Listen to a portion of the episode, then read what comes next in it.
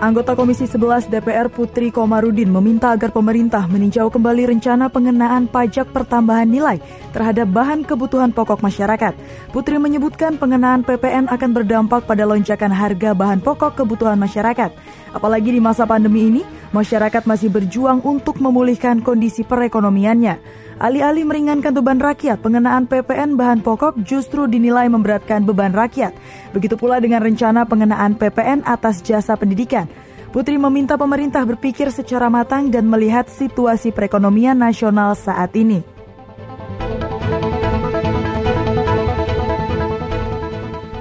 Pengadilan Prancis telah menjatuhkan vonis terhadap seorang pria yang menampar Presiden Emmanuel Macron di depan umum pekan ini.